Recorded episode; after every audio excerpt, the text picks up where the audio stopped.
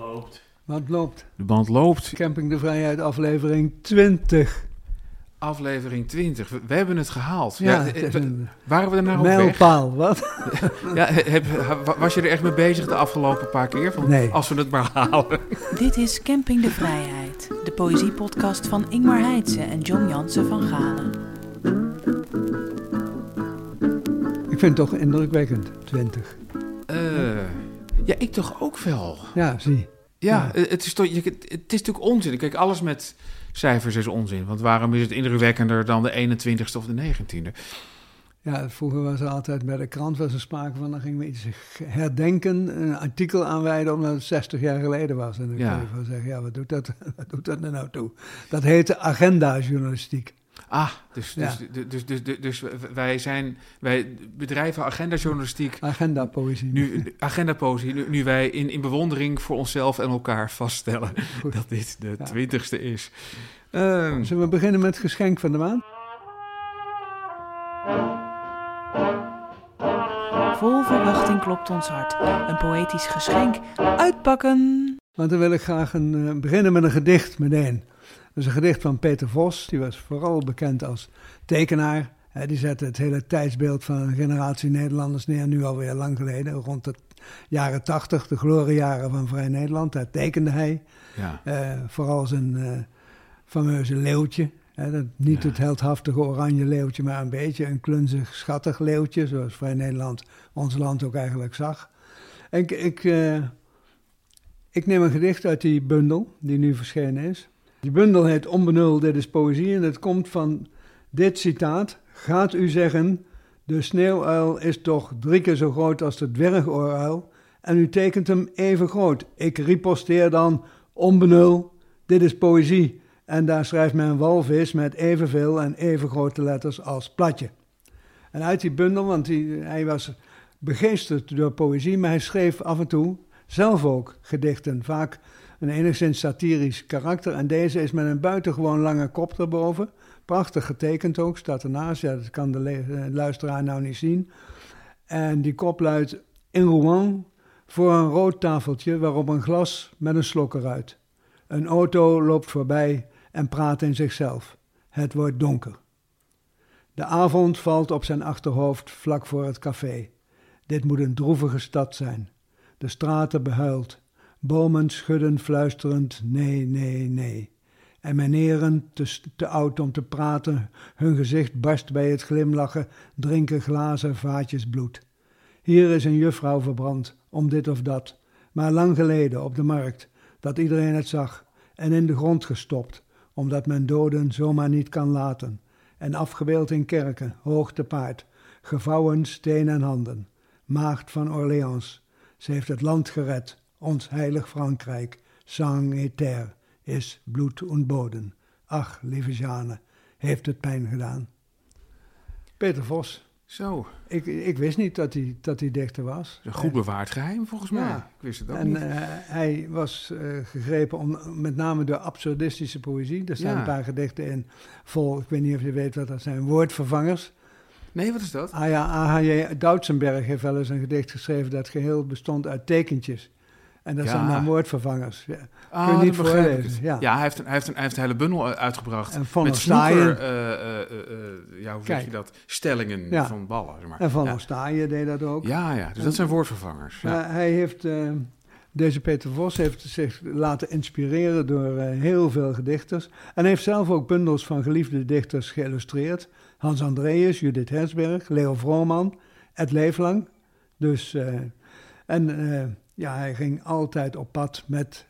Hij was nooit zonder poëzie, zeg maar. Het heet een bundel eh, Rimbaud in de rugzak. Hij was een liefhebber van Garcia Lorca, Borges. Ovidius kende hij uit het hoofd ondanks al die drank. En pastiches op Van, O- van Marsman, eh, Heinrich Heine. En hij was, zoals ik geboeid door het absurdisme. En het is mooi dat nu, zoveel jaren na zijn overlijden, hoe heet hij, de cultuurhistoricus, kunsthistoricus, ehm oh, Eddie de Jong met GH, een bundel aan hem heeft gewijd, die vooral opgefleurd wordt en versierd met veel van die prachtige tekeningen van Peter Vos. eh, meisjes, eh, Ja. ooievaars. Het is een, eh, het is, het is een hebbeding. En, en, maar dit, dit is gewoon een mooie hardcover. Met, het is helemaal ingenaaid. Het is, dit met een mooie rode, eh, rode kaft waar er weer een kaft overheen is geplakt. Het is, het is echt een hebbeding. Ja, het is het Ja. geschenk van de maand. Ik kreeg het ook op mijn verjaardag van mijn langjarige verloofde. Die Ja. heeft het op de kop weten te tikken. Goeie verloofde. Ja, Eh, dat is zeker waar. Ja, dat wist je al natuurlijk. Ja. Het was voor dat boek ook al wat. Maar wat ik nog wou zeggen over Peter Vos, hij schreef zelf sonnetten. Maar ook vooral, daar was hij dol op, en ik weet niet precies wat dat zijn. Jawel, rondelen. Ja. Wat is een rondeel? Nou, Rondeel John, eh, een mooi voorbeeld van Antonus de Roveren. Bouwjaar 1415, eh 1482. Dus, Als je eh, me nou... Ja, eh, kakelvers. Eh, maar je kent het wel, zodra ik het inzet, ken je het. Die door de wereld zal geraken, die moet konnen huilen met de honden. En de moet ook konnen diverse spraken, die door de wereld zal geraken. Hier waarheid zeggen en ginder miszaken, voren salven en de achterwonden. Die door de wereld zal geraken, die moet konnen huilen met de honden. Ja, Dat, dat is een rondeel, althans dat dat is één staat variant hier van ook in. Dat staat hier ook in. Ja. En daar heeft hij ook op gevarieerd, Peter Vos. In Ja. onbenul, dit is poëzie. Knorrig rondeel voor Utrechtse Theo. Welke Theo zou het zijn? Want er zijn er een Staat paar mogelijkheden. Ja, erop. Oké. Van mei 62. Poëtisch werd hij bedacht met een knorrig rondeel. Gecombineerd met een suggestie voor een voorstelling van een groepje naakte vrouwen. Doe open, Theo, als je mij een deze nachten bellen hoort. Zelfs als het je metressen stoort die voor je bed staan in de rij. Naai nou niet zo hardvochtig voort, maar doe die stukken wat opzij. Doe open en zeg verrast: Hé, hey, Jezus, jij? De Heer heeft mijn gebed verhoord. Kom, zet die naakten aan de poort en schuif een literglaasje bij. Doe open. Nou, Knorrig rondeel voor Utrechtse Theo. Theo stond erop. Ja. Ja. Ja, in, de wat... eh, nou ja, oké, het, is, het, het is een wat vrijere vorm, maar op zich... Het, het rondeel zit er wel in. Ja, ja, ik, ik vind het meest... eh, eh, sowieso moeten we dat altijd voorleggen aan de, aan de echte lightverse-dichters... die dat zo kunnen ophoesten. Maar ik, ik beschouw het als een kort, meestal achtregelig refijndicht... oh eh, waarin gewoon een aantal regels steeds terugkomen... waardoor het inderdaad ook rond komt. Hm. Ja. Dat ja, het is, het is een leuke vorm. ja. Het laatste nieuws. Het nieuws van de maand wat mij betreft, eh, een, een stem enigszins uit het verleden. De digitale bundel uh, Geiten Gods van Bart FM Droog. Bart Eh, FM droog, hè? Bart Zonder- FM Droog. Zonder ja, puntjes tussen FM. Ja, Eh, precies. ja, uit en- Groningen. Uit Groningen. eh, een, een, een, een zeer illustere eh, dichter, performer en een groot boekstaver van, eh, van dichters. Iemand met encyclopedische kennis van ongeveer iedereen die hier een, een ganzenveer heeft vastgehouden.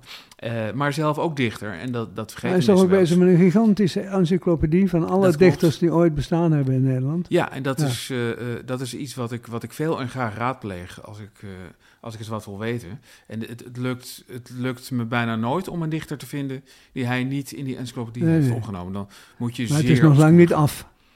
Nee, dat geloof ik niet. Nee, Nee, Ik heb laatst gekeken, hij moet nog... eh, ik denk dat op 40% is van iedereen die die wil hebben. Ja, ik, ik ben ook wel bang dat dat niet zomaar afkomt natuurlijk. Nee, Dus dat komt het- nooit af. Titanisch iets. Ja, Ja. In, in, in die zin, hij zit ver weg, maar we zouden hem eigenlijk eens moeten vragen hoe dat, eh, hoe Ja. dat gaat.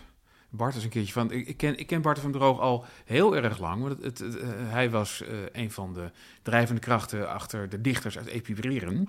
Samen met Hofman en multi-instrumentalist eh, Jan Kloek. eh, die eh, vooral blazer was. En die had ook een soort didgeridoo gemaakt van, van, van de PVC-buis. En die kon met een effectenbak erbij de meest ongelooflijke effecten maken. Dat was vrij, vrij invloedrijk voor mij. Want ik, ik, ik werkte ook met muzikanten. Maar ik keek vooral echt naar die Jan Kloek, hoe die dat deed. Dat was een geweldige muzikant. Die nu nog wel eens opduikt. ook, ook in andere samenstellingen. Want die is nog steeds als muzikant eh, bezig. Ik heb Jan Kloek ook wel eens horen optreden met eh Boeder Dieleman en, eh en Zet Bruin. Ja, en dan, dan heb je een leuke avond, kan ik zeggen. Dan heb je een, heb je een bijzonder pakket bij elkaar. Dus die combinatie van eh, muziek en, eh, en poëzie. In het geval van Bart Wim Droog, heel intense eh, eh, post-punk poëzie. Ja. Heel activistisch ook. Eh, nou, dat was, was wel behoorlijk voorbeeldig. Het, het was echt wel een soort, een soort punk-pop-act die zij hadden. Hij is ook erg bezig geweest en nogal hardnekkig bezig geweest met de bestrijding van de promotie van Ad van Liemt tot dokter in de wetenschap. Is dat zo? Ja, hij hoorde bij die groep die aantoonde eigenlijk dat die man eh, ten dele dreef op boeken die al over Gemminger, de kampcommandant van Westerbork, geschreven waren. Ja, Van jongere wetenschappers. Die juist. hij absoluut niet, om het zacht uit te drukken, het volle pond had gegeven. En soms ook niet eens in de voetnoten had vermeld. En hij heeft Bart Droog vergeefs, want Ad van Liemt is gewoon gepromoveerd uiteindelijk, tegen geageerd. En, en, en, en ben jij het eens met Bart in dit geval? Nou, ik vond, eh, ik vond dat zijn punten sterk waren. Ja. Ja. Ik, ik kan je wel vertellen, als, als, als Bart ruzie eh, zoekt met iemand, dan ben ik het eigenlijk standaard met Bart eens, omdat ik weet dat hij zijn research zo goed doet. Bart zegt nooit zomaar wat. Nee. Het is iemand die altijd zo goed alles checkt en, en dubbelcheckt. Die kun je echt gerust geloven. Hm. Ja. Eh, drama kan die wel, maar dat vind ik alleen maar leuk. Eh, maar hij kan dus ook dichten. En eh, dat was een beetje misschien uit het zicht geraakt. Maar nu met Geiten Gods is die eigenlijk, wat mij betreft, terug. Dit zijn gedichten die lopen van 2013 tot met 2023. Dus, dus, dus het laatste decennium. En hij, hij schrijft in de, in de inleiding. nou, inderdaad, het is tien jaar geleden sinds zijn laatste bundel Zeewaarts uitkwam. En eh, dan maakt hij een aantal referenties waarin meteen ook duidelijk wordt wat zijn bronnen zijn. Hij zegt tien jaar waarin de Eerste Wereldoorlog 1418 herdacht werd. Tien jaar waarin ook een nieuwe grote Europese oorlog uitbrak. De Russische aanval op Oekraïne. Met direct al als collateral damage de 298 doden van de MH17. Ruim tien jaar oorlog in Syrië, et cetera, et cetera. Zij, hij, hij deelt het jaar meteen in, in de wereldbranden. Historische, ja. Ja, en het Historische historische eikpunten. Ja, en, Ja. en, en eh, eh, nou ja, eh, hij, hij, hij, hij schrijft erover van, ja, oké, dat ik, ik, heb, ik heb een bundel uitgemaakt, dat heeft een weerslag gevonden, al die wereldgebeurtenissen in die gedichten in dit boek, een e-book. En dan zegt hij waarom. Eh, en hij citeert eh, onze collega, de alonbetreurde Menno Wigman, gaf daar al in 2001 een antwoord op met het gedicht Misverstand, dat eindigt met deze regels.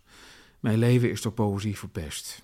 En ook al wist ik vroeger beter, ik verbeeld me niets wanneer ik met dit hoopje drukwerk 64 lezers kwel, of erger nog, twee bomen vel. Ja. En Bart van Droog zegt, en precies daarom heb ik besloten deze bundeling gedichten niet op papier uit te brengen, maar louter als digitaal boek, gratis te downloaden, voor die misschien wel 63 lezers, zonder dat daarvoor geboomte hoeft te sterven. Ja. Was getekend Bart FM Droog te 1 rum juni 2023. Ik Ja. doe één gedicht uit deze bundel en dan hebben jullie een heel aardig beeld. Eh, niet van wat er allemaal te genieten valt, want het is eh, veel meervoudiger dan ik één gedicht kan zeggen, maar wel hoe het zit met het activisme. En dat zit wel goed. Stem! Als het stortregent in maart, stem! Als honden op je stoep schijten, stem! Als de dijken het niet houden, stem! Als wethouders horken zijn, stem! Als knuppels je de weg versperren, stem! Als de buurman je land inpikt, stem! Als de pizzakelders overvol zijn, stem! Als je wil gaan spoken op kerkhoven, stem! Als je denkt dat alles een complot is, stem! Als je voor of tegen witte anjers bent, stem! Als je Willem-Alexander een hunk vindt, stem! Als je schimmel tussen je benen hebt, stem! Als je op vrijheid en vrede hoopt, stem! Als je voor zelfbeschikking bent, stem! Als het bommen regent op Kiev, stem!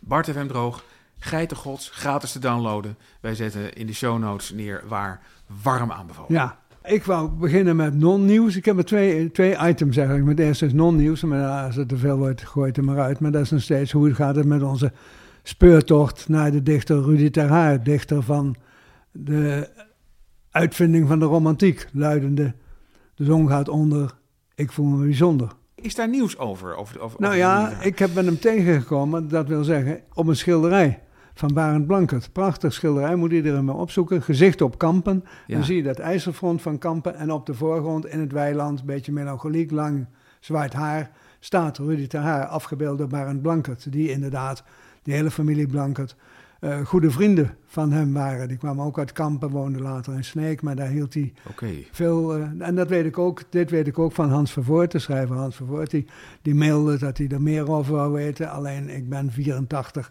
en dan is zo'n podcast van 1 uur en 20 minuten veel te lang voor mij. Wat ik een beetje een tegenstrijdige mededeling vind. Ja, heb je nou eindelijk eens een keer tijd zat? Eindelijk Ja. tijd. Maar die ja, meldde goed. dat hij de referentie is geweest in de jaar, halverwege de jaren 70 om Rudy Ter Haar te helpen aan een betrekking bij de Rijksvoorlichtingsdienst. Die ging een knipseldienst opzetten en dat leek hem geknipt voor Rudy Ter Haar, omdat hij, zijn kamer lag altijd vol met kranten die hij allemaal ooit nog eens, zei hij, zou gaan lezen van A tot Z. Dus dat Ja. kon hij dan gewoon beroepshalve doen. En eh, deze vervoort is hem ook later nog een keer tegengekomen, op een tentoonstelling in Amsterdam. Maar toen straalde hij duidelijk uit dat hij geen prijs stelde op enig contact. En dat is Hmm. ongeveer het laatste wat we vernomen hebben, behalve dat er ooit een vermelding is geweest op de site van Helanville. Daar staat op Rudy Ter Haar. En ja, dan ga je kijken, Helanville, dat is een gezellig zootje. Een soort hotel, meer een soort commune, eh, rommel, 15 kamers. En eh, dat heldert verder niks op, behalve dat die wordt gedreven door Anne Blankert. En dan denk ik, weer Ja. een Blankert. Ja, ja, ja. Maar dan zoek je Anne Blankert en dan kom je niet verder dan dat zij is adviseur regionale bereikbaarheid. Ja, Ja, dat kan ik niet associëren met de dichter Rudy Ter Haar. Het blijft dus een raadsel. Iedereen zegt, hij is vast nog in leven, want anders hadden we wel ergens gelezen van, van het tegendeel. ja. Dus wij blijven ons eh, aanbevolen houden. Oké, nou, het, het, Ah. het, het mysterie blijft het mysterie. Nu, nu echt nieuws. Ik bedoel, Rudy Ter Haar is nieuws als we hem vinden. En, maar echt nieuws is een eh, nieuwe bundel. En daar ben jij mede debet aan.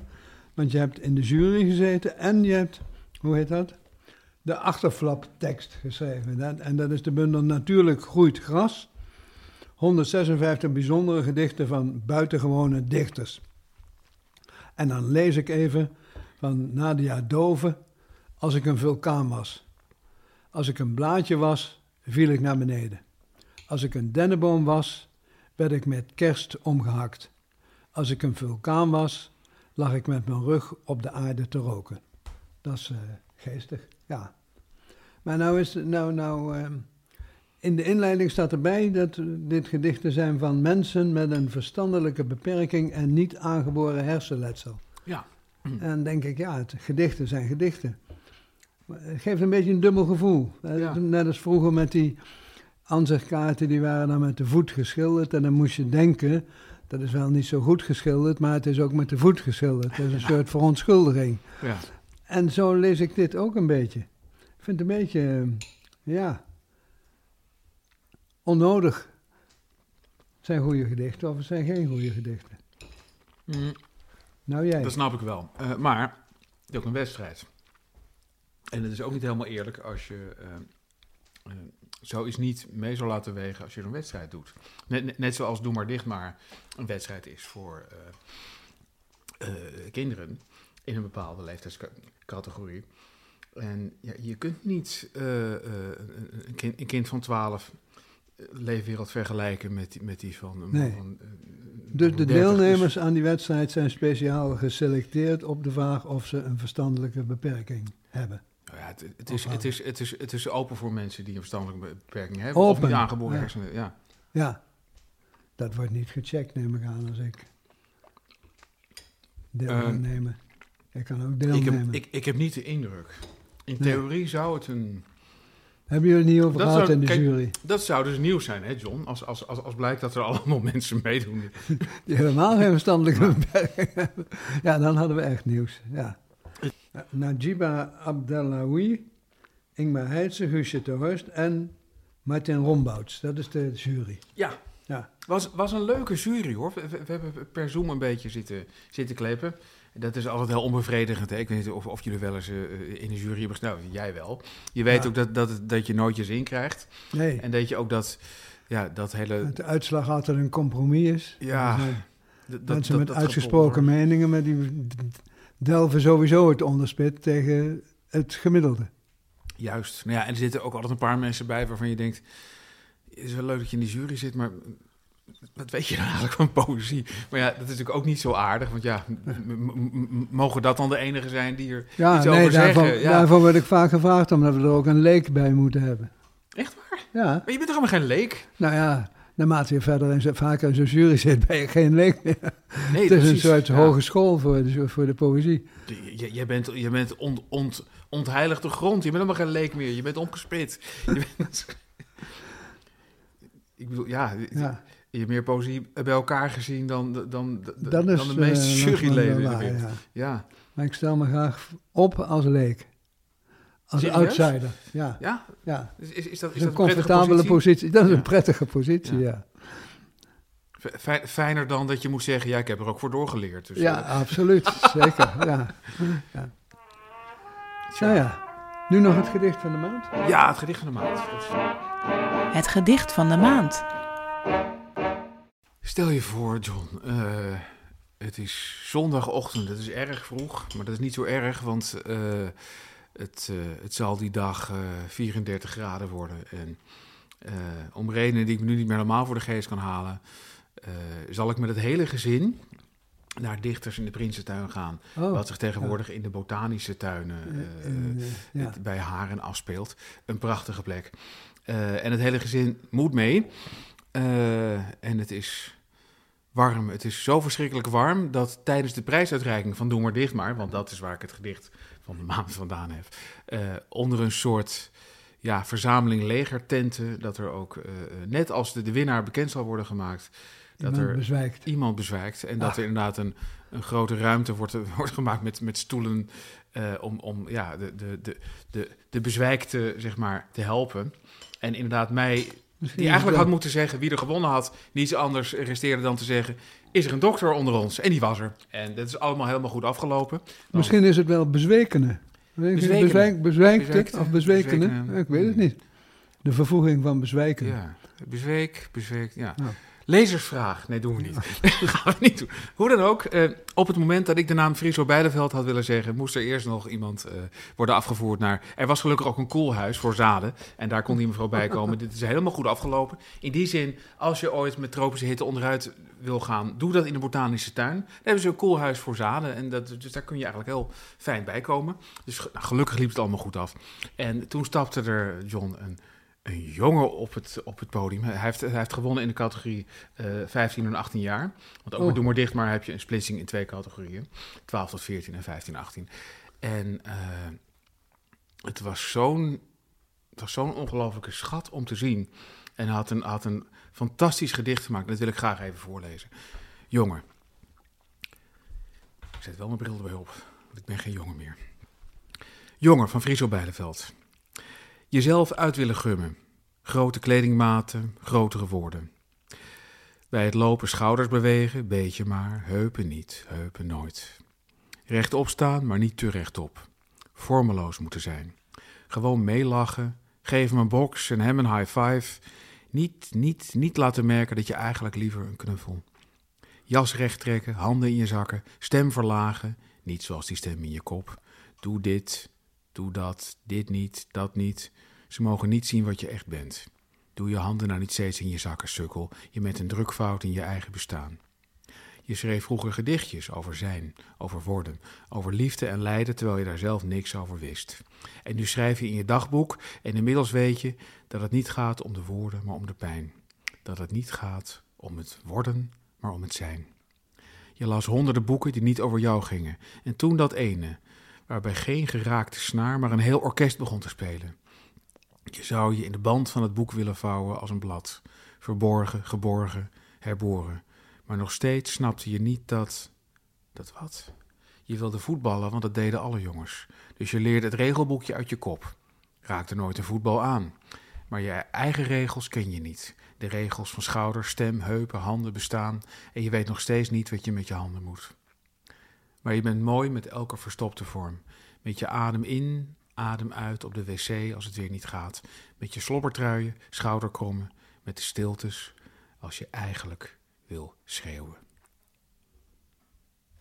Friso Beideveld, een zeer terechte winnaar van Doe maar dicht maar van dit jaar. Ja. Wat een dichter, Ja, wat, een dichter. gedicht. Ja. We waren allemaal kapot van. ja. Het was ook heel warm, dus we waren sowieso kapot. Maar nu nog kapot. Een bezweek voor het gedicht. Dat is mijn gedicht van de maand. Ja, ja en mijn is, ja, ik, ik hou van biografieën en ik hou van dichters, dus ik tikte in. Ik liet, als je nou intikt, biografie, dichters, nieuw, dan krijg je als eerste dit. Een boek dat heet Dichten is willen leven. Krachtige titel, prachtige titel, kan ook andersom. Willen Gaan, gaan we zo vragen aan Robin Blok of dat waar is. Maar goed. Dichten is willen leven. En, Ja. dan- en, en als je daarvoor meldt, de schrijver is Mart van Lieburg, dan krijg je direct Mart van Lieburg die het boek zelf aan je op gaat sturen. Het Oh, is uitgegeven door Trefpunt Medische Geschiedenis Nederland, maar dat is min of meer denk ik Mart van Lieburg zelf. Ja, En dan blijkt dat dat boek is niet het boek van een, een biografie van een dichter, maar van een neuroloog. De neuroloog Abraham Gans, die geleefd heeft van 1885 tot 1971. de naam valt te weinig. En het is een zeer specialistisch boek dat diep ingaat op die neurologie. De man heeft eh, baanbrekend werk verricht op het gebied van Alzheimer. En hij heeft allerlei conflicten gehad op de Universiteit Leiden. En eh, hij was eh, een Joodse man en diep christelijk, dat blijkt uit al die gedichten. eh, die overigens perfect zijn van maten, metrum en ritme. En ja, hij getekend kennelijk door, de, door het lot van zijn familie in de oorlogsjaren. Ik lees even één gedicht voor. Hoe kan ik leven, hoe kan ik denken? Hoe kunnen woorden in mij dichten? In Auschwitz, Bergen-Belsen, en Sobibor in dag en nacht, een vlam ten hemel opgestegen. Gij wilt geen vuur dat rammen brandt, dat lammeren verteert. Uw volk is omgebracht, zijn vlam is dag en nacht, in Auschwitz, Bergen-Belsen, Sobibor, ten hemel opgestegen. Wie aan de poort ontkwam, wie aan de poel ontkwam, klaagt tot de doodslag om de vlam, die dag en nacht in Auschwitz, Bergen-Belsen, Sobibor, ten hemel is gestegen. Een vonk wordt vlam. Wat wordt de vlam? De vlam van Auschwitz, Bergen-Belsen, Sobibor, een vuur dat oplaait tot uw aangezicht, om de vergasten van mijn volk, om de miljoenen die verbrand heeft, de vlam, die dag en nacht in Auschwitz, Bergen-Belsen, Sobibor, naar uw hemel is gestegen.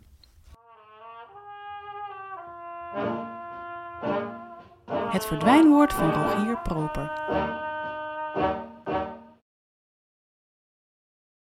PAF. Pief, paf, poef. PAF is het onderdeel van een driemanschap, maar opereert graag zelfstandig. Het openbaart zich dan in de uitdrukking ik sta paf. Paf heeft een rookpluimpje om zich heen hangen. Ook in ik paf even een sigaretje. Het woord werd uit de bijna vergetelheid gerukt door Annie M.G. Schmid in haar gedicht Dikkertje Dap, dat later een lied werd. Dekkertje liet zich daarin te artis langs de hals van een giraf naar beneden glijden en de verteller in het gedicht stond daarom paf. Dat rijmde lekker. Op dap. De gast van de maand. John en Ingmar praten met een coryfee uit het land van de poëzie. En dat is Robin Blok. Welkom. Dankjewel. Wat fijn dat je eh, je bij ons, ons kon voegen vandaag. Je eh, eh, hebt, hebt onlangs de bundel Handleiding voor Ontheemden uitgebracht. Eh, en eh, nou, er, er valt van alles op. Behalve onder andere dat het een flinke bundel is. Ja, daar snij je niet zomaar het ruggetje van door, hè? Nee, dat inderdaad. Dit, dit heb ik inderdaad. Ik, ik heb gelukkig ook de PDF aange, aangevraagd. Dus dat, werkt al goed. Het is inderdaad niet, niet zomaar te digitaliseren. Eh, zoals ik dat met heel veel dingen gedaan heb. Hoewel, hoewel die snijmachine die ik daarvoor gebruikte, die is nu zo, die is dusdanig bot geworden dat ik hem uiteindelijk met een paar hele dikke handschoenen aan, zie ik hem nog met een klein boogje zo het oud ijzer in, eh, in, in, verdwijnen. En het was zo'n harde knal dat ook de man die erbij stond van, de, van, de, van, de, van het grofveld, die deed ook zo van... Veel metaal levert geld op. Hij was blij. Kun je Eh, eerst een gedicht lezen? Dan weten we waar we aan toe zijn. Dat kan. Goed ja. idee. Of twee, bij- mag ook. Laat ik gewoon bij het begin beginnen. Het eerste Ja, gedicht in de dat, bundel. dat dacht ik ook. ja. Dat wou ik niet suggereren, maar dat vond ik wel een goed idee. Het is ergens ook een overzicht van eh, wat je zo in die hele bundel kan verwachten. Dat is het gedicht Fijn. Mijn Bloed. Juist, ja. het gedicht Mijn Bloed. Ik draag de stank van tabak. Mijn aderen vertakken zich langs oude plantages, mijn spieren mengen kalmte met geweld. De stem van een voorvader buldert door mijn keel. Ik heb zoveel te bewijzen. In mijn mond strijden verschillende tongen. De ruggengraat van een njai draag ik. De kinderen die zij baarde, zijn kinderen die haar niet meer toebehoren. Haar handen, mijn polsen, zoveel kwijtgeraakt. In mijn bloed galmt het gezang van gevangenen. De dreun van een geweerkoel, van rode stip spat op wit katoen. Grootmoeder hurkend in de kokend hete middagzon. Door mijn hoofd loopt een verbogen rails. Een dwaalspoor ingehamerd bij de volgende generaties. Aanpassen, aanpassen. Herinner je de winter, de eerste, die ons allemaal bevroor? Jouw voeten, mijn voeten, bloot en koud op vreemde grond. Opa verstopt zijn oorlog. In elk oog een dolk. In zijn glimlach een verloren jongetje. En ik heb vlaggen te verhangen. Kransen waarvan ik niet meer weet waar ik ze leggen moet. Ja, de njai moet je misschien even uitleggen voor de oningewijden. Ja, ja. En um, een njai is, was eigenlijk een um, concubine. En wat je nu zou noemen Indonesische vrouw. En uh, zeker in het begin van de koloniale periode in uh, wat nu Indonesië is, een, een voormalig Nederlands-Indië, uh, was het nog niet zo'n heel populair oord voor Europese vrouwen. Dus veel um, Europese mannen daar hadden een concubine. Het was een, een tijd verboden zelfs om je vrouw over te laten komen. Dat, dat, in, dat in, zou in niet de 19e weten of eeuw was. Ja, het is later. Ja. Is later om die mensen meer eh, zich thuis te laten voelen, juist aangemoedigd dat er vrouwen kwamen uit Europa. Maar dat is pas vanaf nou, het begin van de vorige eeuw. Ja, en het Suezkanaal heeft ook geholpen. Omdat Het de reistijd heeft het eh, ontzettend beperkte. geholpen, Ja. ja. Ja, ja. ja. En het voordeel werd in die tijd gedacht van eh, wat ze toen noemden inlandse vrouw is ook dat zij zo'n Europese man wegwijs kon maken. Dat de kinderen ook misschien beter bestand zouden zijn eh, tegen het klimaat. Dus Ja. al, al dat soort eh, ja. gedachten speelden ook mee. Is dat niet zo? Ja, dan, dan ben je alweer de eugenetica aan het eh, kietelen misschien. Ja. Dus, eh, lastig om te zeggen. ja. Maar goed, het is, het, is een, het, het is een, om niet te zeggen, de grote zoektocht naar wortels. Ja, en, en er zit ook in het. eh, het is een beetje een, een. eh, Het is denk ik niet een standaard poëziebundel. Want er zitten ook dialogen in, eh prozaïsche gedeeltes. En de dialogen die gevoerd worden zijn tussen een Europese voorvader en een eh, Indonesische voormoeder of een njai. Mhm. En ik vond het wel een mooi beeld, omdat je die hele koloniale geschiedenis op een bepaalde manier ook zou kunnen reduceren tot die machtsverhouding tussen die twee. Dus vandaar dat, eh, dat die er ook allebei eh, in zitten. Ja. En ze hebben ergens ook de rol misschien van een soort koor. Dus ze leveren ook eh, commentaar op de verteller. ja. En ik heb ze juist geprobeerd zo down to earth En mogelijk veel te houden. citaten uit een gids voor Indië-reizigers. Of van mensen juist die re repatrieerden, zo het heet. Ja, ja da- daar slaat de titel van de bundel ook, eh, ook op. Toen mijn, toen mijn grootouders naar Nederland kwamen, kregen ze het boekje Jangan Lupa. Dat betekent niet vergeten of vergeet het niet. Mhm. Ja, een inburgeringsboekje. Voor wat ze noemden repatrianten. is ook een, ja, een rare term, omdat natuurlijk veel mensen voor het eerst naar Nederland kwamen. Ja. En het is een heel betuttelend boekje. Het gaat over dat je je huis maar goed schoon moet houden. eh, hoe je de boekhouding doet, hoe je aardappelen schilt. Maar niet ja, wat je met al je herinneringen doet. En ook niet eh, Ja. als je net een land hebt achtergelaten, een oorlog hebt meegemaakt, al dan niet in een kamp eh, hebt gezeten. Dus ja, hoe, hoe vind je een thuis en hoe kan je ergens wortelen? Dat is eigenlijk de vraag waar ik veel mee bezig ben geweest bij het schrijven Ja. van dit boek. Ja. Want dat gold allemaal je grootouders.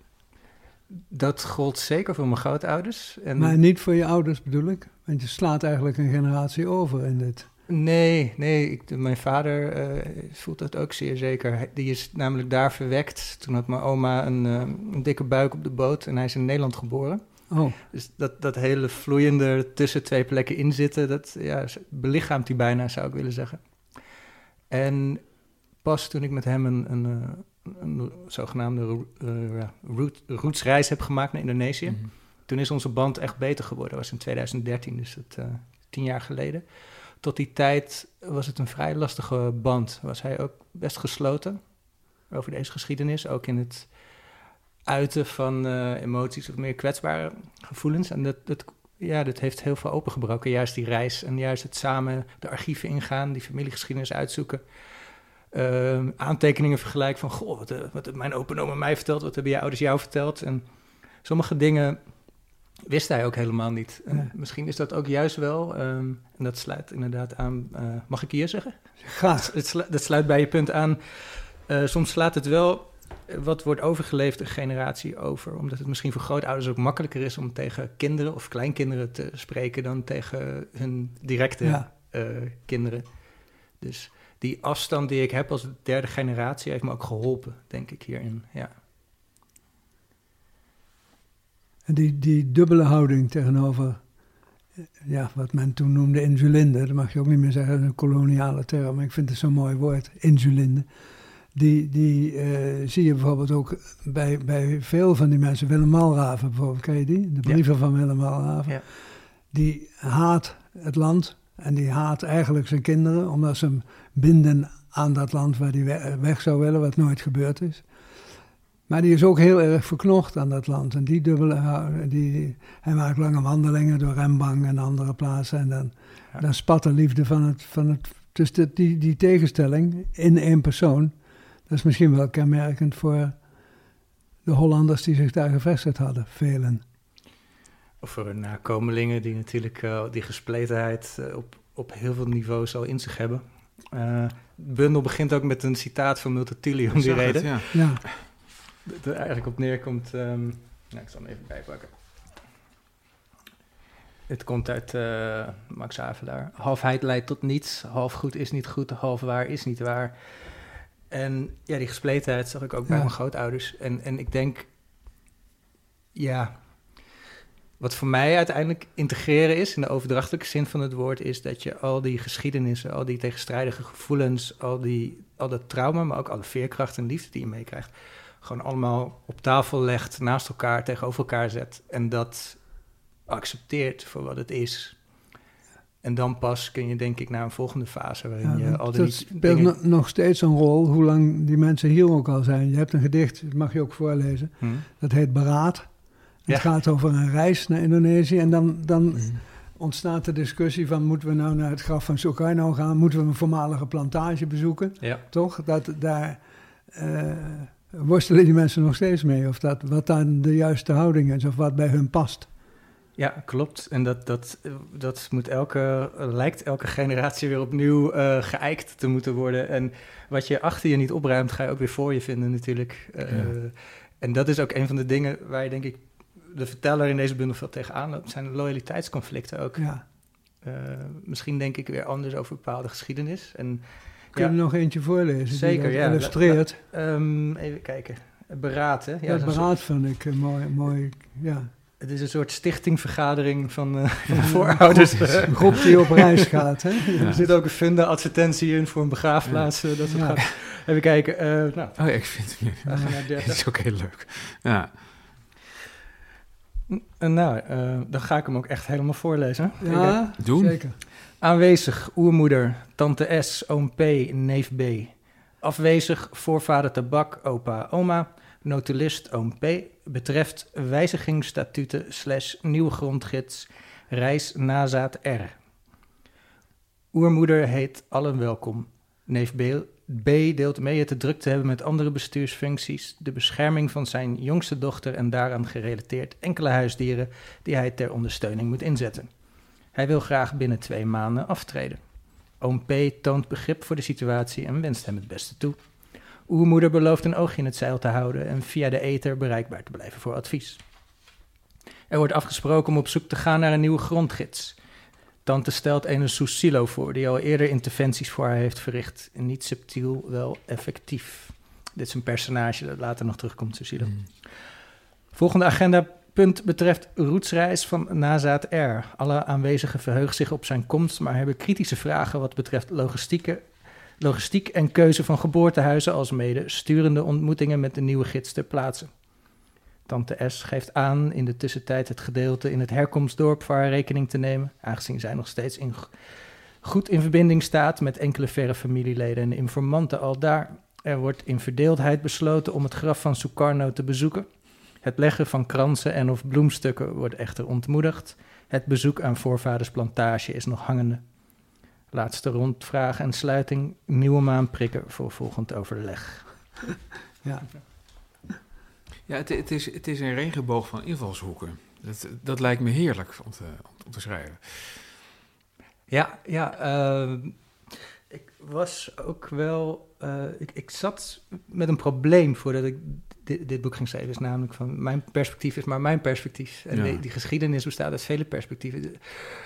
Ehm, en dit gaf mij juist heel veel mogelijkheid om, om die perspectief lekker te laten schuren, tegenover elkaar te zetten. En, en ook van register te wisselen.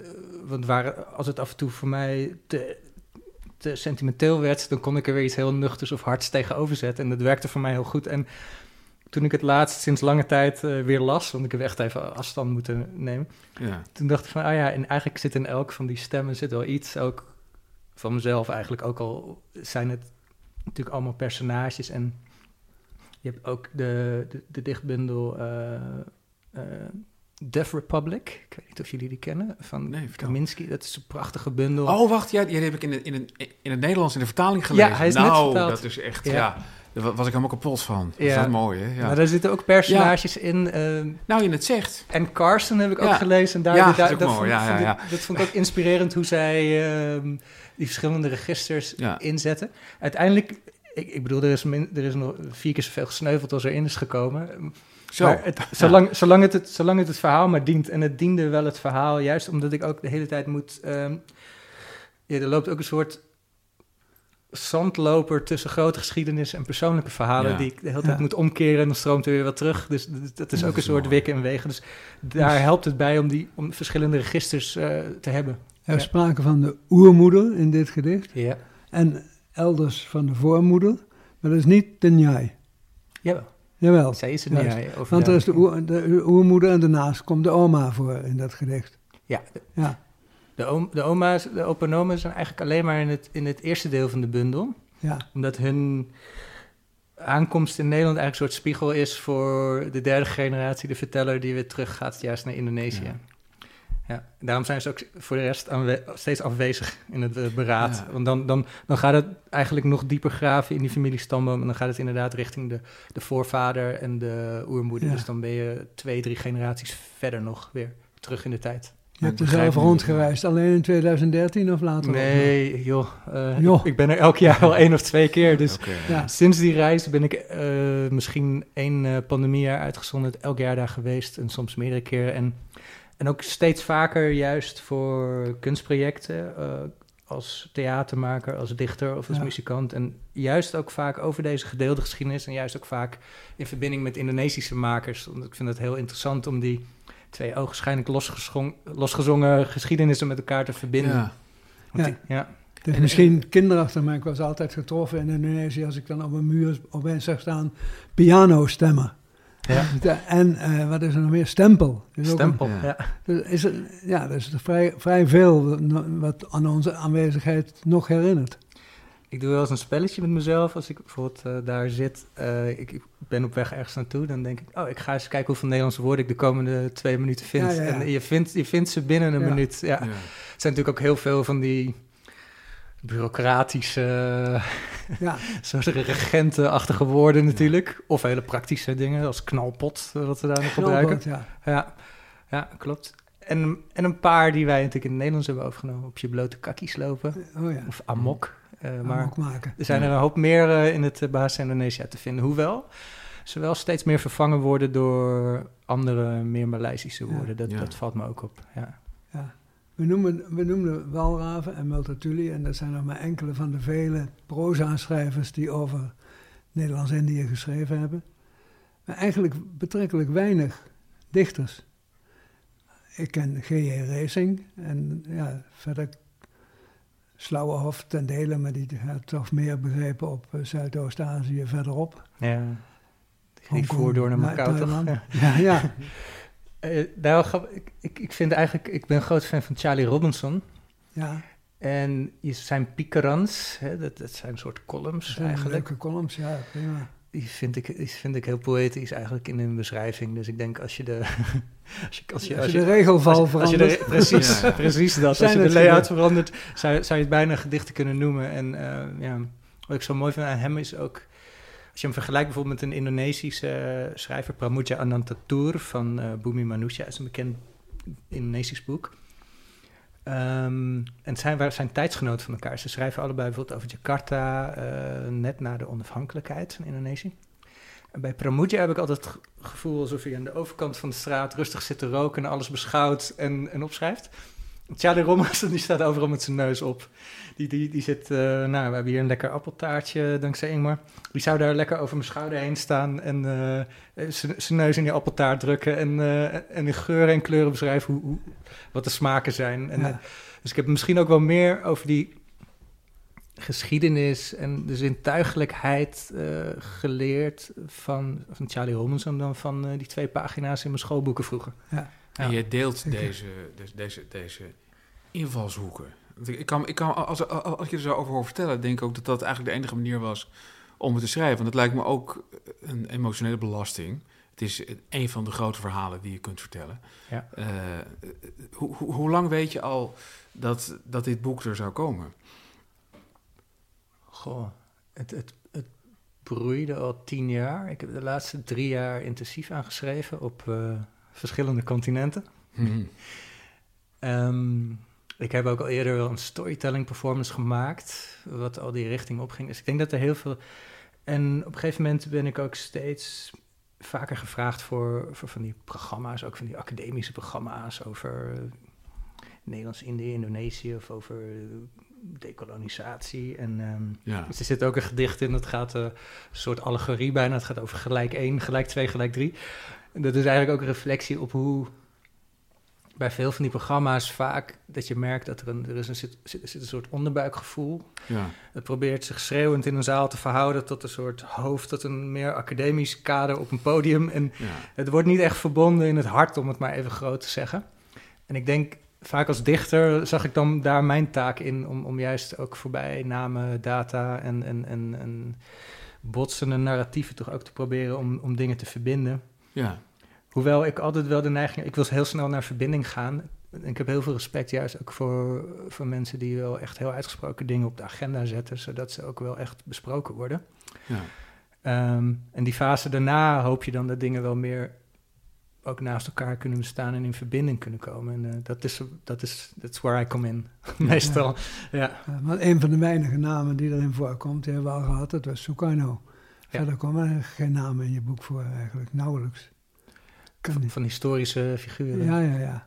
Nou ja, Diponegoro komt erin voor. Dat is een uh, Javaanse prins tijdens de Java-oorlog. Java, ook, de eh, grote Java-oorlog. Ja. Ja, ehm, Nou ja, en een, en een, en een prachtig, misschien niet zo'n historische naam, hoor, maar wel een, een, een, flink lexicon met gewoon ja, eh, Ja, alle mogelijke termen en verwijzingen. Wat toch wel Ja. erg prettig is. ja, had je het, Ja. had je het eh, erg nodig? dus dat ik wel. weten, ja. Ja, maar ik, ik, weet, ik weet hier bijna niets van. Nodig, dat, ben ik dan heel benieuwd. Hè? Ik, ik, niet, niet dat ik nu het interview ga overnemen, maar ik was wel benieuwd van... ehm, eh, kun je er wat mee als je niet op, hoog, op de hoogte bent van al die geschiedenis? Eh, nou, het is, het, is, een uitnodiging om, je erin te verdiepen. Dat is ook aardige. Als je het begint te lezen met... eh, dit is een dichtbundel, zoals ik ze wel ken. 40 gedichtjes, een beetje liefde, een beetje dood. Zo kun je dit niet lezen. Je moet het eigenlijk als een soort historische roman in dichtvorm lezen. Maar het, omdat het al die perspectieven kiest... en op alle mogelijke manieren reflecteert... eh, is het een ontzettend veelkantig... Narratief is het woord niet eens.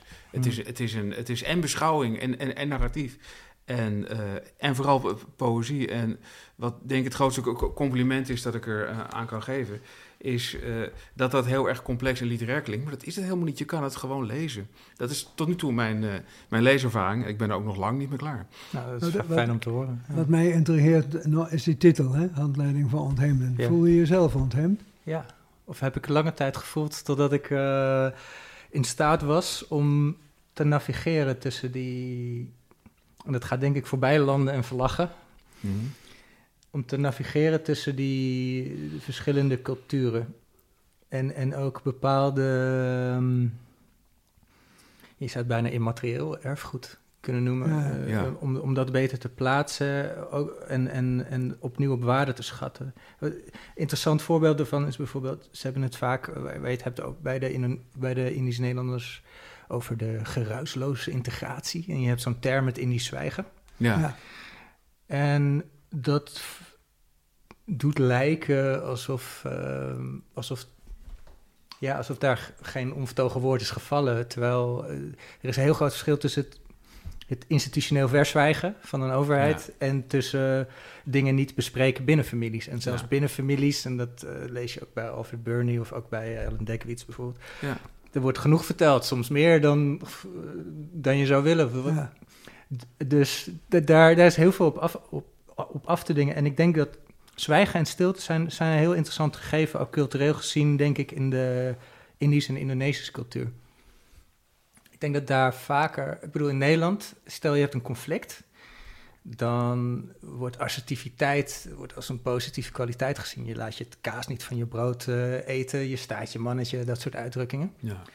Ik denk dat het in, ehm bijvoorbeeld in Indonesië, als je daar je, je stem loopt te verheffen tegen iemand, dan, dan, dan zet je jezelf echt voor paal. En je, nog erger, je zet iemand anders eh, voor het blok. En uiteindelijk eh, wordt het gezien als een zwakte of een gebrek aan beschaving, omdat je kennelijk je emoties niet kunt reguleren. Dus, Ja. En ik denk dat het is omdat er vanuit een collectief terug wordt geredeneerd naar het individu, in plaats van jouw individuele autonomie en hoe dat zich dan verhoudt tot een collectief. Ik, ik, ik ga kort door de bocht, maar ik denk dat dat er iets mee te maken heeft. En, da- en daardoor word jij daar ook nooit aangesproken op het koloniaal verleden. Jawel. Ik Ja? ja, en dat heeft denk ik heel erg te maken met, eh, en dat probeer ik in die bundel voelbaar te maken, dat zit in hele kleine dingen. In of je elkaar eh, echt op eye level, op oogniveau, eh, zeg maar, kunt ontmoeten of niet. In, in bepaalde gevallen, er zit een bezoek in in een school, dan word ik Ja. echt als een soort koloniaal op, een, op de eerste rij gezet. Er is één ventilator, Ja. die, die is op mij, en uiteindelijk eh, vragen ze om geld. Dat maak ik ook mee in Indonesië. Soms net op momenten dat je denkt, ah, nu hoor ik erbij, nu voel ik me thuis, dan, dan, dan draait het compleet om. Maar er zit ook iets in, dat noemen ze tawar, dat is onderhandelen. Dat is gewoon echt een, spe- echt een spelletje. In, in, maar je, ja, als je echt tot het gaatje gaat, dan, dan resoneren natuurlijk al die, die koloniale machtsverschillen opeens mee. Dus als je, ehm, Dat is een woord wat die groep in Nederland nog steeds gebruikt, hè, tawara. ja, tawar. Ja. Oh, oh, ik wist niet dat het in Nederland Nee, ja, wordt. ja. Nou ja, dat, daar zit ook een scène in dat, dat, eh, dat iemand, echt denkt van... oké, tot hier niet verder, maat. Want, eh, En op een gegeven moment draait het ook weer om... want dan schudden ze elkaar de hand. En dat zie je ook vaak in Indonesië. Dat is een energetisch ding. Dan, dan wrijven ze langs je hand. Bijna alsof ze je energie opnemen. En dat, vervolgens gaan ze over alle, alle- een aantal van hun doeken wrijven. Dat doen Ja. ze soms bij de eerste aankoop. Maar het is ook een soort van energie overpakken. Maar dat heeft, als je dat verder uitdenkt, denk je ook van, goh, ja, dat, er zit ook een soort machts- of welvaartsverschil op zijn minst in. Of zo. Ja. Dus, Ja. dus tegen dat soort dingen loop je ook aan. En ik heb juist geprobeerd om dat te situeren in het Indonesië van nu, omdat het niet, omdat daar, daar heb je ook gewoon nog die, die hele erfenis en ook hoe gekeken wordt naar, er zit een, een ander personage in, Saraswati, dat is een, eh, Ja. Een van haar eh, tags is uh, Njai 3.0. Dus ik dacht Ja. van, hoe spiegelt zij met de oermoeder? Gewoon een moderne Indonesische Ja. vrouw. En dan zie je ook, ja, die, die promoot alle, ook allerlei huidcrèmpjes... waarin je lichter van huidskleur wordt. Ja. Tegelijkertijd heb je het hoofdpersonage uit Bumi Manusha, dat is een Njai.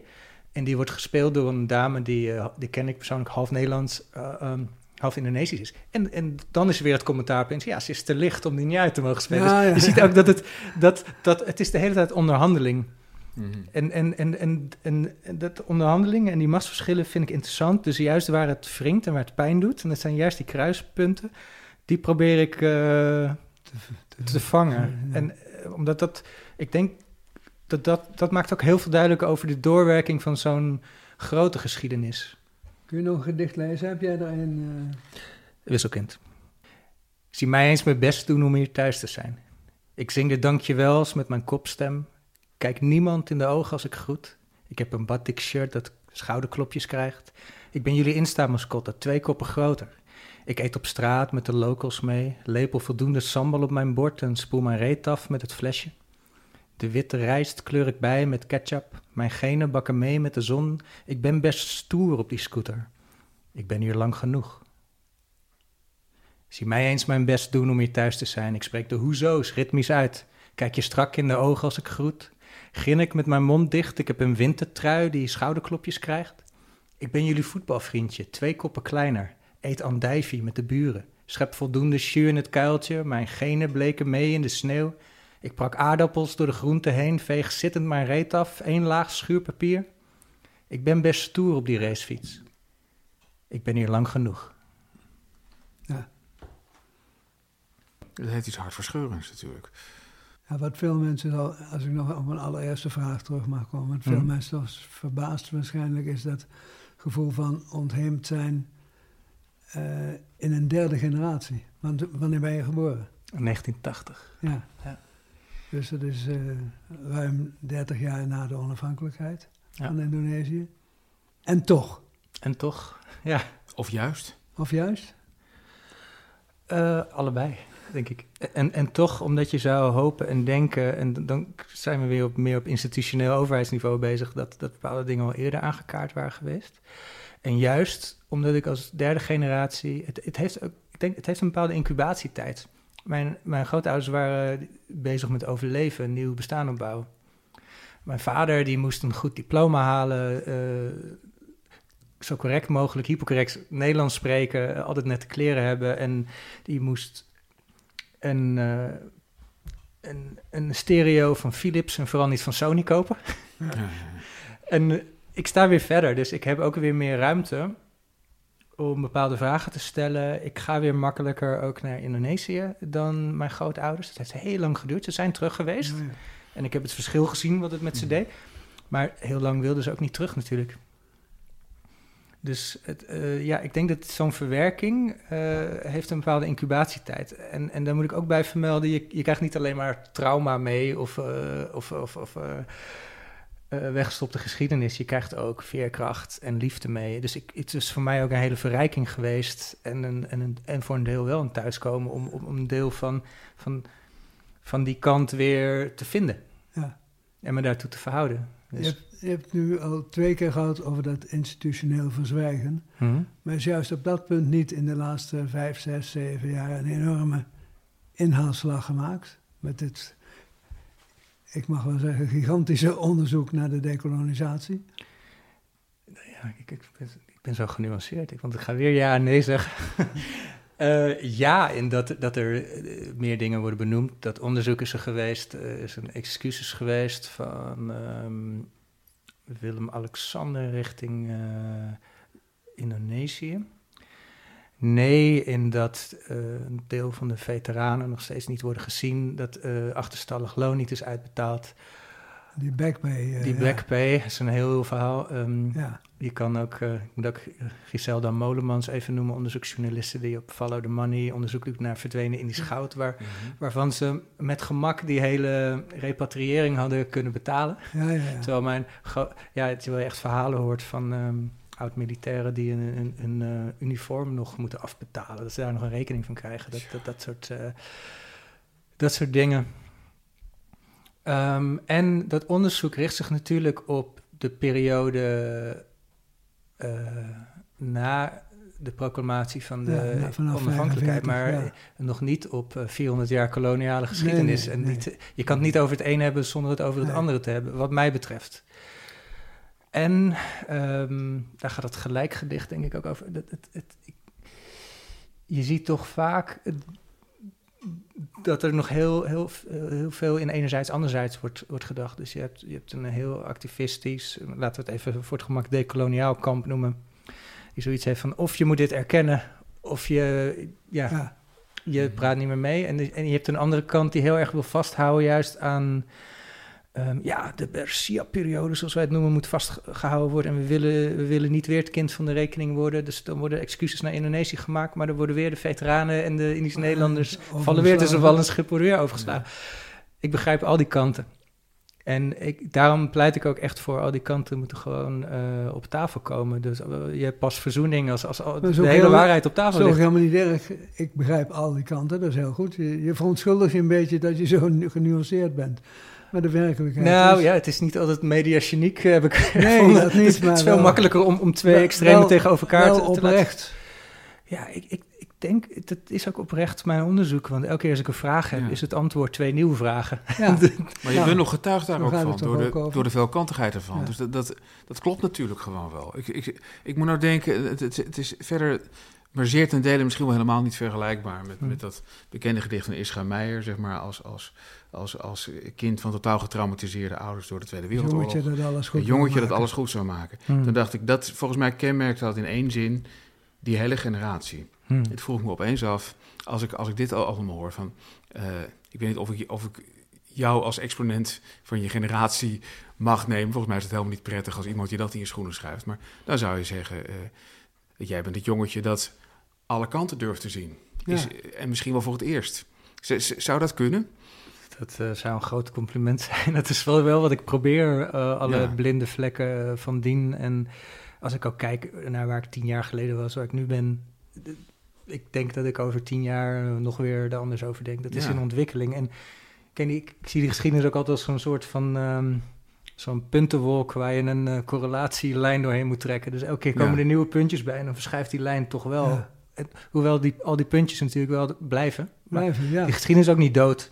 We zijn steeds opnieuw weer die geschiedenis aan het herijken. En daarom vind ik het ook gewoon tof om dat ook met, eh, met Indonesiërs te doen. Omdat hun geschiedschrijving is heel lang gedomineerd geweest, ook door het militaire apparaat. Ja. Zeker onder eh, Suharto, de dictator, die, of nee, ja, dictator zou ik kunnen zeggen, die tot 98 aan de macht was daar.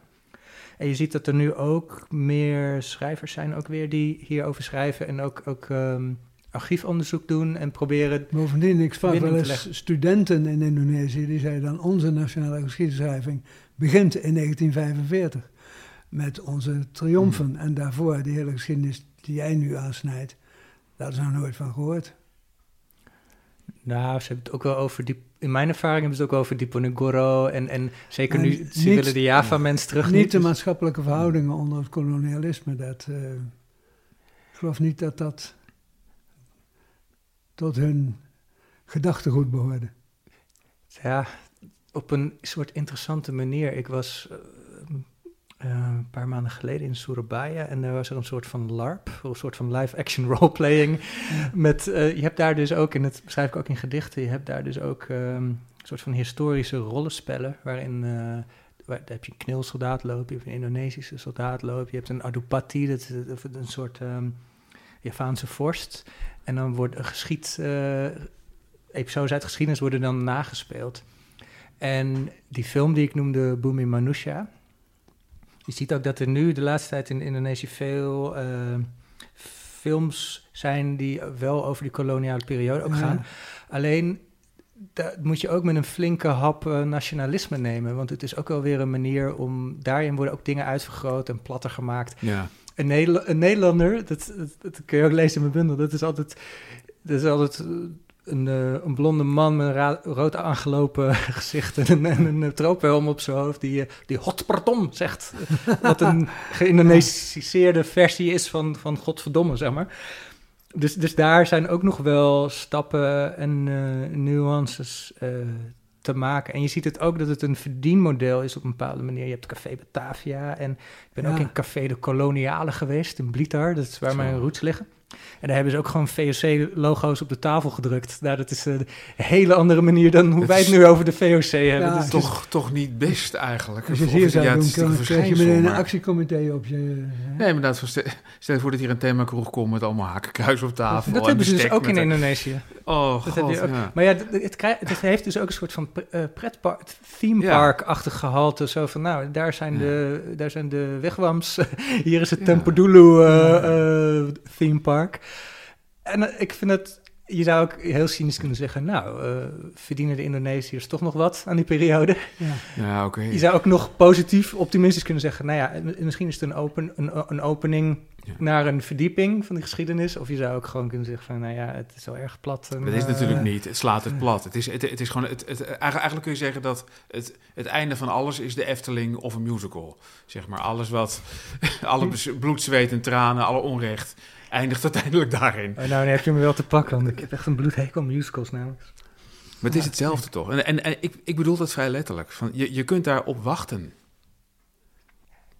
Ik, toch ben ik hoopvol, want je hebt ook ehm, erfgoedprojecten waarin ze een, een, de oude binnenstad van bijvoorbeeld Semarang of, eh, of, of Jakarta, Ja. dat ze die, dat ze alles renoveren daar. En, en, Ja. en dan gaan die panden weer leven. En dan, dan, dan krijg je dus van dat soort theme park-achtige festivals. Kotatua Festival heb je, de oude stadsfest. En dan merk je dat om, om dat goed te doen, gaan toch eh, mensen zich meer verdiepen in die geschiedenis. Dan heb je iemand die een historische rondleiding geeft. Dus dan ben je toch al ergens op een pad richting meer bewustzijn. Ja. Dus dat, dat, dat stemt me dan hoopvol.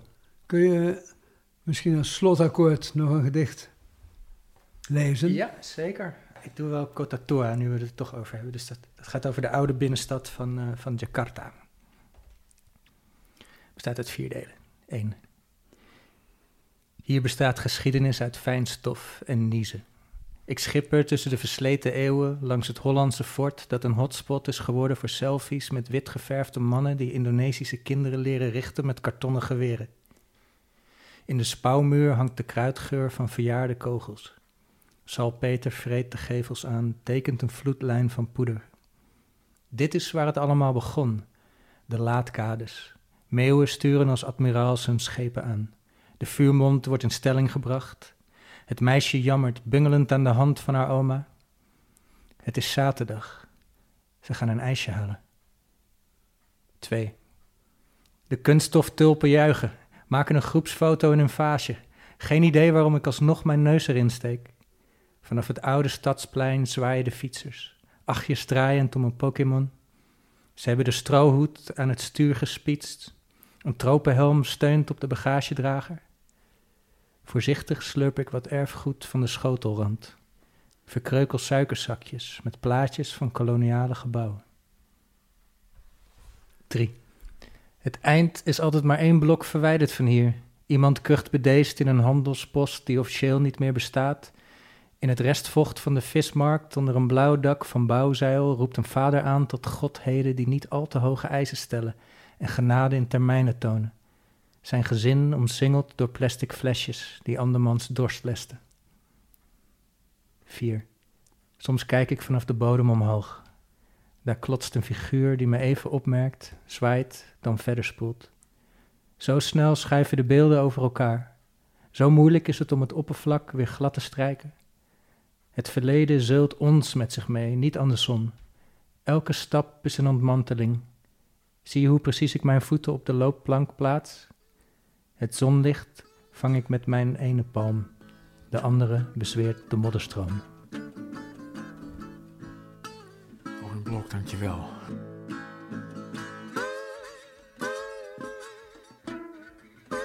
Dit was Camping de Vrijheid namens Ingmar Heidse en John Jansen van Galen. Tot de volgende aflevering.